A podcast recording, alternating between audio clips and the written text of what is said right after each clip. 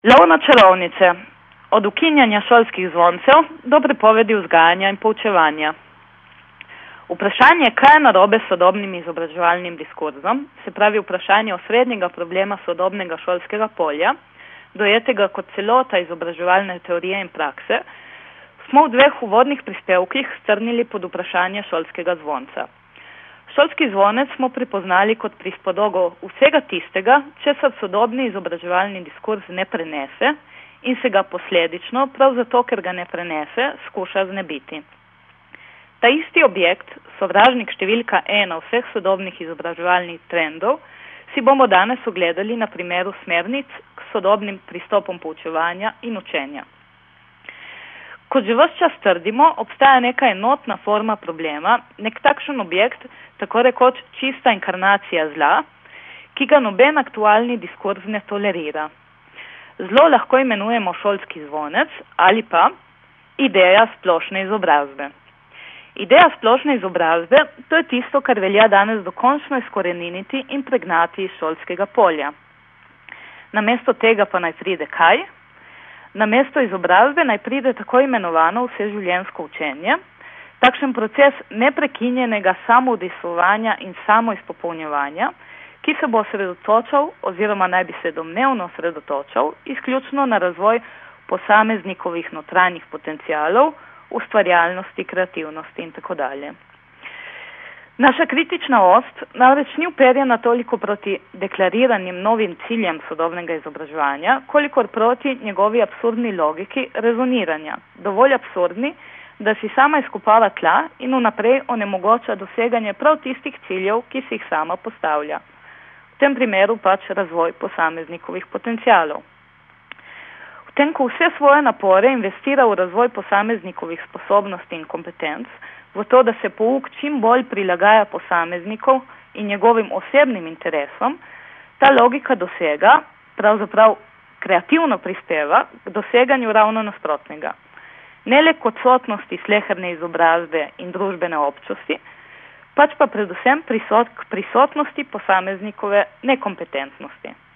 Zakaj? Prav zato, ker je pogoj možnosti, da posameznik postane, sploh postane kompetenten, neko srečanje z njemu to je rodno drugostjo in družbeno občostjo. Poglejmo konkretno. Govoreč nasploh je moč navesti štiri osnovne očitke, s katerimi se sodobna pedagoška stroka v tem, ko smišlja svojo odlično sodobnost v razmerju do slabe tradicije, postavlja zoper nekdaj utečene, danes že zastarele vsebine znanja, še zlasti pa zoper tradicionalne metode poučevanja, problematizira se predvsem naslednje. Prvič, faktografsko znanje in njegova neživljenskost in neuporabnost. Drugič, problematizira se zahteva po učenju na pamet, gola reprodukcija, nič kreacija. Tretjič, problematizira se transmisijski in frontalni način poučevanja. In četrtič, problematizira se pasivnost učencev, to, da sedijo, poslušajo, memorirajo in reproducirajo. Bog ne daj, da bi bili učenci med učenjem slučajno pasivni. Citiram. Tradicionalni načini poučevanja, ki navadno vzdržujejo paradigmo od zgore na zdolj, ko učiteljica posreduje informacije, učenec in učenka pa jih sprejemata, postavlja učence v vlogo pasivnih objektov izobraževalnega procesa. Memoriranje je glavni proces, ki ga morajo opraviti učenci v tradicionalni šoli. Tako pravi gospod Skrt, uh, uveljavljeni pedagog. Pri številnih predstavnikih sodobne pedagoške stroke so izsledljiva naslednja popularna naziranja in načini rezoniranja. Najprej, prepričanje, da znanje hitro zastareva, torej, kar je bilo včeraj še res, je danes domnevno že laž. Dalje, neredko je močno leteti na moralizirajoče opaske, češ nekdanji način poučevanja, ki je učitelja postavljal superiorno vlogo, je bil avtoritaren in nedemokratičen. Naprimer, citiram. Izkustveni pogled na šolanje je nastal kot poskus demokratiziranja preveč avtoritarno usmerjene tradicionalne prakse, ki je učenca dojemala kot pasivnega prejemnika informacij, znanje pa brez povezave z vsakdanjim življenjem, ter statično in absolutno. To je bila gospa Zora Rita Rolc, Zaveda za šolstvo. Še več, izsledljivo je tudi prepričanje, da znanje tako ali tako ni nič takšnega, kar bi učitelj sploh lahko učencem posredoval, kajti znanje domnevno naj bi vsak posameznik skonstruiral k večjemu sam. Citiram, učitelj tako po konstruktivistični teoriji učence usmerja in daje podlage za razmišljanje, izziva oziroma spodboja iz njih že znano ter porajanje novih vprašanj, jih vodi v razmišljanje o svojem razmišljanju, ne more pa na njih neposredno prenašati znanja, vrednot, vedenj. Transmisija znanja konstruktivistični teoriji ne ustreza. To je bila pedagoginja po prejimku Marn. Se pravi, trud, ki ga učitelj utegne investirati v transmisivo znanja, je bojda v vsakem primeru zastonski. Nadalje nas prepričujejo igre posredovanja in sprejemanja znanja, učence postavlja v pasivno vlogo, zgolj sprejemajo in reproducirajo, kar jim učitelj pove, in to je soglašajo vsi pedagogi, najhujše zlo. Ker so učenci dalje pasivni in se, more, in se morajo učiti na pamet, so med drugim tudi preveč obremenjeni, kar nadalje vodi k njihovi nesreči in traumatiziranosti. Naprimer, citiram gospoda Novaka iz Pedagoškega inštituta, Najbolj pogosta dejavnika preobremenjenosti učencev sta prenatrpanost učnih vsebin in prevladujoči frontalni pouk tudi pri naravoslovnih predmetih in matematiki. Izhodišče razbremenjevanja učencev je zaposlovanje učencev glede na njihove sposobnosti in interesne aktivnosti. Učitelj bi moral prirediti vse postopke pouka za spodbujanje učenčeve aktivnosti. Iz doslej naznanjenega je že razberljivo, da je implicitni predmet problematizacije sodobnega pedagoškega diskurza predvsem znanje samo, to je splošno izobraževalno znanje. Klasični koncept izobrazbe, ne glede na to, katero izmed zgodovinskih različic uberemo, naj si bo antično, srednjeveško, renesansko, razsvetljensko, humanistično različico, Vselej označuje dovršeni proces formacije še neformiranih individumov, ki se dogaja kot zunanje posredovanje vnaprej danih objektivnih in univerzalno veljavnih znanj. Že od tot, sledeč najsplošnejši opredelitvi ideje izobrazbe, je evidentno, da so očitki od sodobnih pedagogov naperjeni predvsem proti ideji splošne izobrazbe. Kajti vsaka ideja polnoletnosti, do katere naj bi se dokopati, dokopali iz kakorkoli že zakrivne le, nedoletnosti, predpostavlja ravno tisti koncept izobrazbe, ki, mu dane, ki se mu danes ne odobrava več nobenega kredita. Koncept izobrazbe danes nima več nobene legitimacije.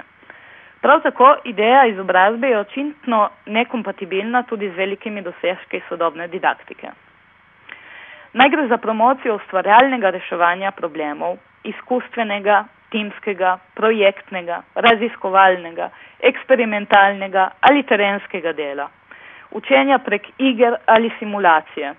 Glede vseh kreativno učno poučevanskih praks je možno konstatirati, da jih druži isti simptom.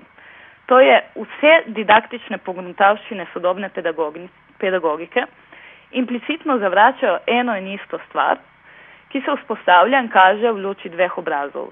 Na eni strani gre za učiteljevo frontalno poučevanje, na drugi strani gre za učenčevo zgolj pasivno učenje na pamet na način reproduktivnega memoriranja.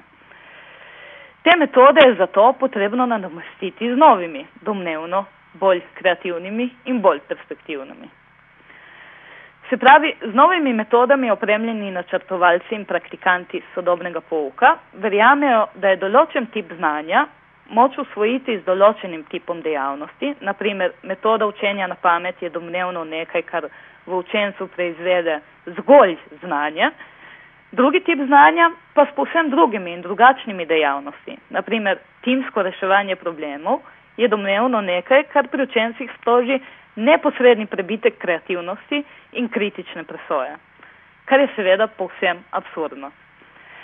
Skratka, pri vseh aktualnih smernicah poučevanja in učenja je sledljiva specifična skupna značilnost.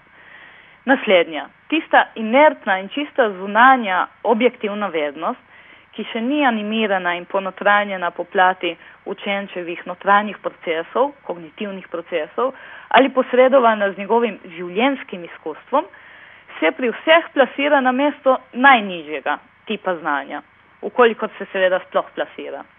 Usporedno s tem je tudi dejavnost učenja na pamet, mehanskega reproduciranja mrtvih vsebin v sodobni pedagoški stroki deležna največjega prezira in neodobravanja. In dalje, kot odvečno je naposled dojeto vse, kar se kaže kot obče in abstraktno, mimo učenčevega življenskega ali učno-procesnega izkustva. Skratka, pri vseh sodobnih smernicah je izsledljiva neka nikoli in nekjer tematizirana metafizika, ki izobraževalni proces razceplja in deli na tisto, kar je v njem bistveno in tisto, kar v njem je absolutno nebistveno in ga v toliko velja odpraviti. Bistvo je položeno v učenčevo notranjost, v njegov osebni duševni razvoj in znanja oziroma učne metode, ki domnevno inhibirajo posameznikov razvoj, so poslej povsem nebistvena in jih je treba izbrisati iz registra šolskega obstoja. Posel vzgajanja in poučevanja naj opravi kdo drug.